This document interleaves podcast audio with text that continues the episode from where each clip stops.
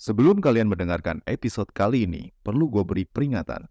Episode kali ini mengandung konten dewasa serta kekerasan. Buat kalian yang tidak cocok untuk mendengarkan hal-hal tersebut, harap dengerin episode yang lain. Selamat mendengarkan.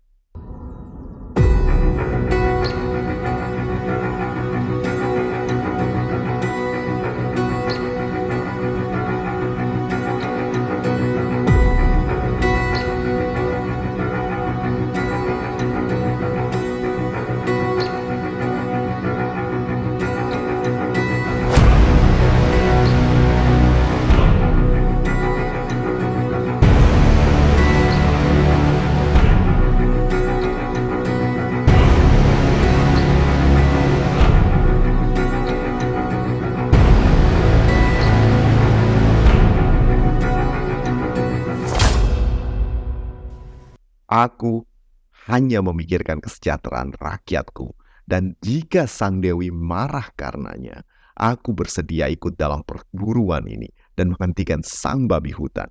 Dan kalian semua, jika kalian berhasil membunuh Sang Babi terkutuk, kekayaan dan kemuliaan akan menjadi milik kalian semua.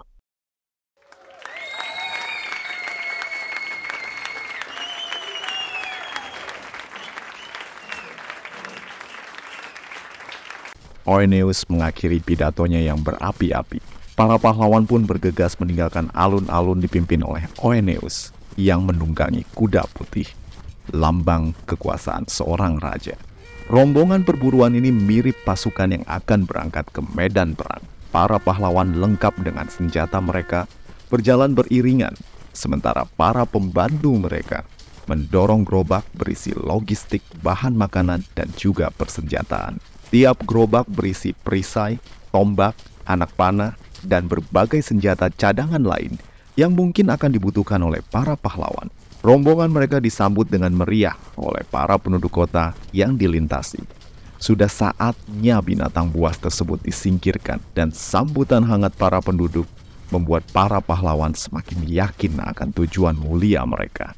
Beranjak keluar dari tembok kota, mulailah mereka melihat apa yang tersisa dari amuk sang babi raksasa. Ladang yang mestinya sudah saat panen hancur di obrak-abrik. Jalan morat-marit mirip daerah rumah gue yang habis banjir dan banyak sekali rumah-rumah yang hancur. Tidak heran banyak sekali penduduk yang mengungsi ke ibu kota. Siapa yang bisa hidup dengan kondisi tempat tinggal yang hancur berantakan seperti ini? Para pahlawan berhenti dan menimbang-nimbang apa yang harus mereka lakukan selanjutnya. Nestor menyarankan agar mereka mencari tempat yang aman untuk berkemah sebelum kemudian mencari jejak sang babi. Piritos dan Theseus tanpa menunggu komando langsung melesat pergi dengan kudanya, berusaha mencari sang babi sendirian. Dengan harapan mereka akan menemukan sang babi dan menaklukkannya, kemudian memperoleh semua kemuliaan untuk mereka berdua. Sementara Atalanta memilih untuk mencari sang babi sendirian. Atalanta berjalan mengikuti jejak basah sang babi hutan yang mengarah ke arah selatan tempat mereka berkemah, menjauh dari para pahlawan yang sibuk dengan urusan mereka masing-masing. Namun tentu saja, kepergian Atalanta diketahui oleh Meleager yang tanpa ragu mengikutinya dari belakang.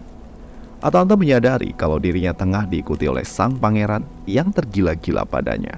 Namun Atalanta tak merasa risih dengan kehadiran sang pangeran. Bukan karena dirinya menaruh hati, namun Atalanta ingin memiliki sekutu kuat dalam perburuan ini. Belum lagi Artemis memberitahunya dalam mimpi semalam untuk tidak bersikap hostile pada sang pangeran. Tentu sang dewi punya niat tertentu hingga penting banget datang ke mimpi Atalanta cuma buat bilangin, eh jangan kalah-kalah ya sama Meleager.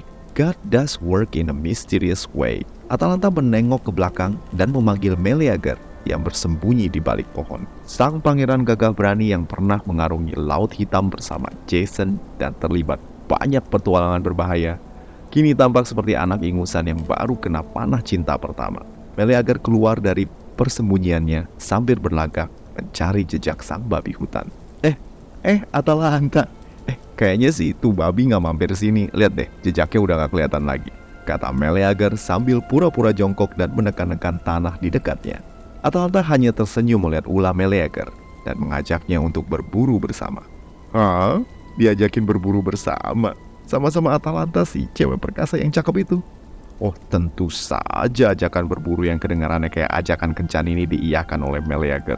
Keduanya pun kemudian berjalan bersama sambil mencari jejak si babi raksasa. Sementara itu, rombongan lain yang dipimpin oleh Peleus dan kakaknya Telamon pergi mencari jejak sang babi hutan di bagian yang lain. Bersama dengan rombongan Peleus adalah Eurytion, bapak mertuanya yang juga pengen ikutan berburu babi raksasa. Sedikit info soal Eurytion. Ia adalah Raja Petia yang berjasa menyucikan dosa Peleus. Dosa apa nih? So, gini ceritanya.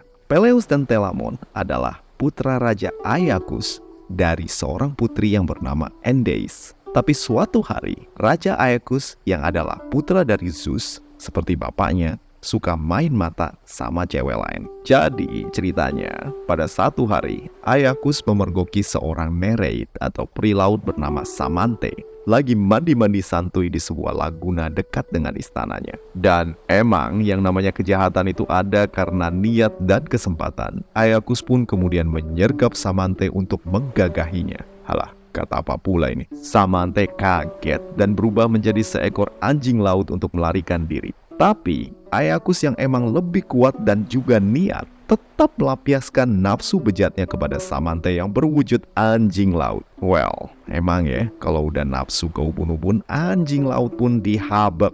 Hubungan gak wajar antara Ayakus dengan anjing laut Bohai ini pun kemudian membuahkan anak yang diberi nama Fokus. Ayakus amat menyayangi Fokus yang tumbuh besar menjadi anak yang atletis dan juga pandai bergaul. Dan hal ini menimbulkan rasa iri kedua kakak tirinya, Peleus dan juga Telamon. Peleus dan Telamon kemudian bersekongkol untuk menimbulkan celaka pada adik tiri yang mestinya mereka jaga itu. So, pada satu kontes olahraga, ketiga bersaudara lain ibu ini ikut serta dalam lomba lempar cakram. Pada sesi latihan, fokus berlatih dengan kedua kakaknya dan memamerkan keahliannya. Tapi Telamon dan Peleus punya niat lain. Keduanya punya niat jahat yang akan segera terrealisasi. Telamon memegang cakramnya dan berpura-pura hendak melemparkannya ke target latihan.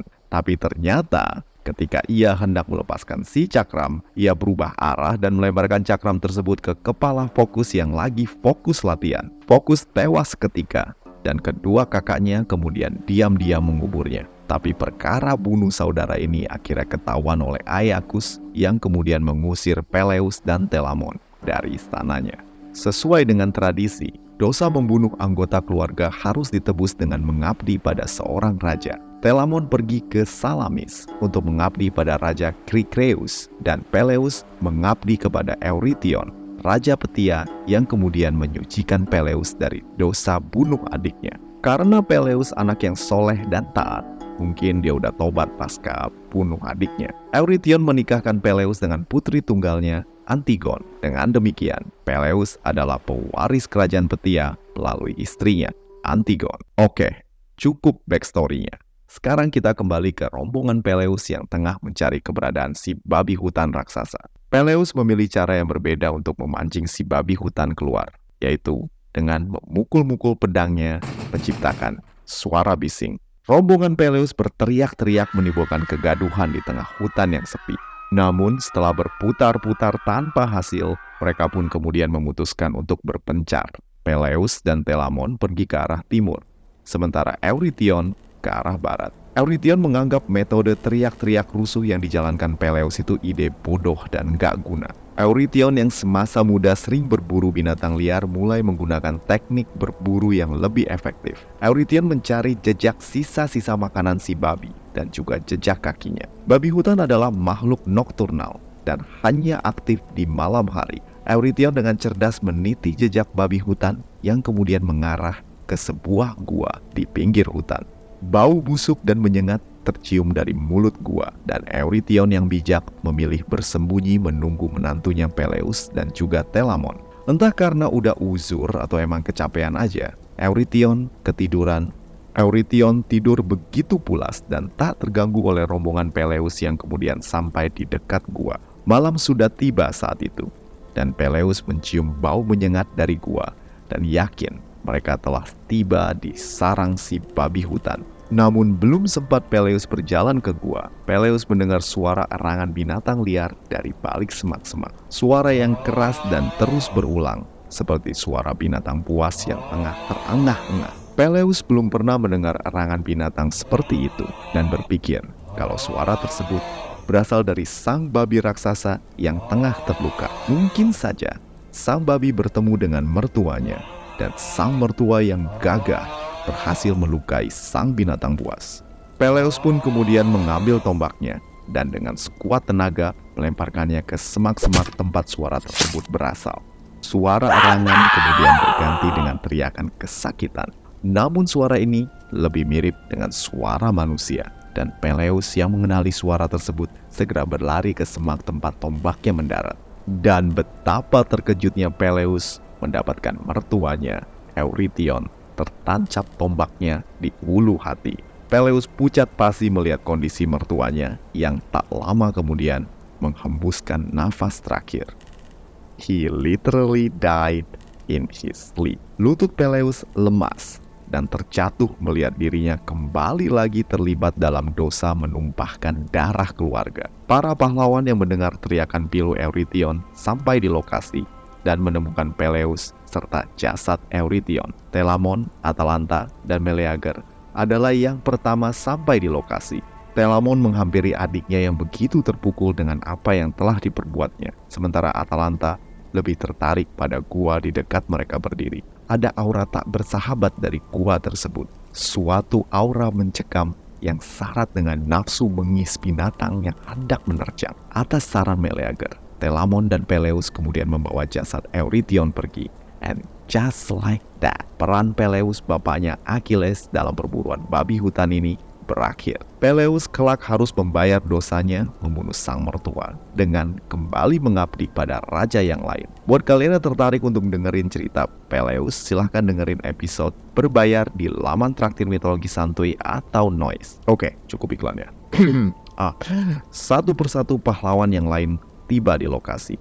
Mereka semua sepakat ada ancaman menanti di dalam gua di hadapan mereka. Meleager memimpin para pahlawan untuk membentuk setengah lingkaran, bersiap dengan formasi untuk mengepung makhluk ganas yang ada di dalam gua. Mereka semua menunggu dengan harap-harap cemas. Masing-masing bersiap dengan senjata mereka masing-masing. Atalanta memancangkan tombak-tombaknya di tanah dengan ujung yang runcing mengarah ke arah gua. Tindakan Atalanta diikuti oleh para pahlawan lain yang menganggap strategi Atalanta ideal untuk menghalangi terjangan sang babi hutan yang ganas. Semua menunggu, namun tak ada yang keluar dari gua tersebut. Akhirnya kesabaran beberapa pahlawan habis. Ankeus putra Lycurgus yang bersenjatakan dua kapak melangkah keluar dari formasi dan berjalan tanpa getar memasuki gua.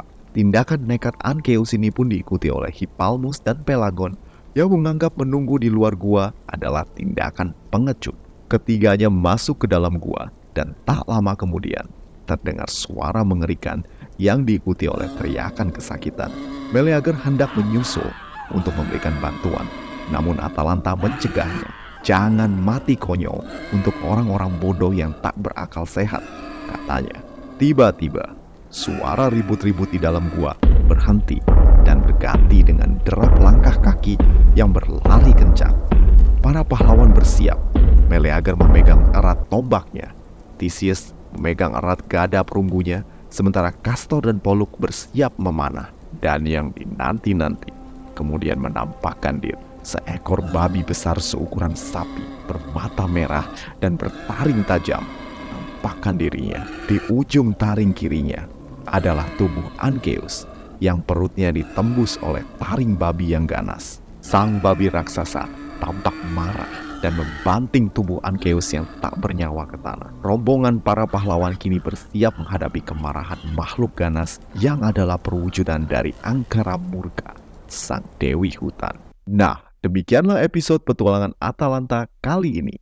Semoga kalian suka dan bersabar untuk episode minggu depan. Seperti biasa, untuk kalian yang kepengen dukung podcast ini, silahkan mampir ke laman traktir mitologi santuy yang tersedia di deskripsi episode. Udah dulu ya, See you and ciao.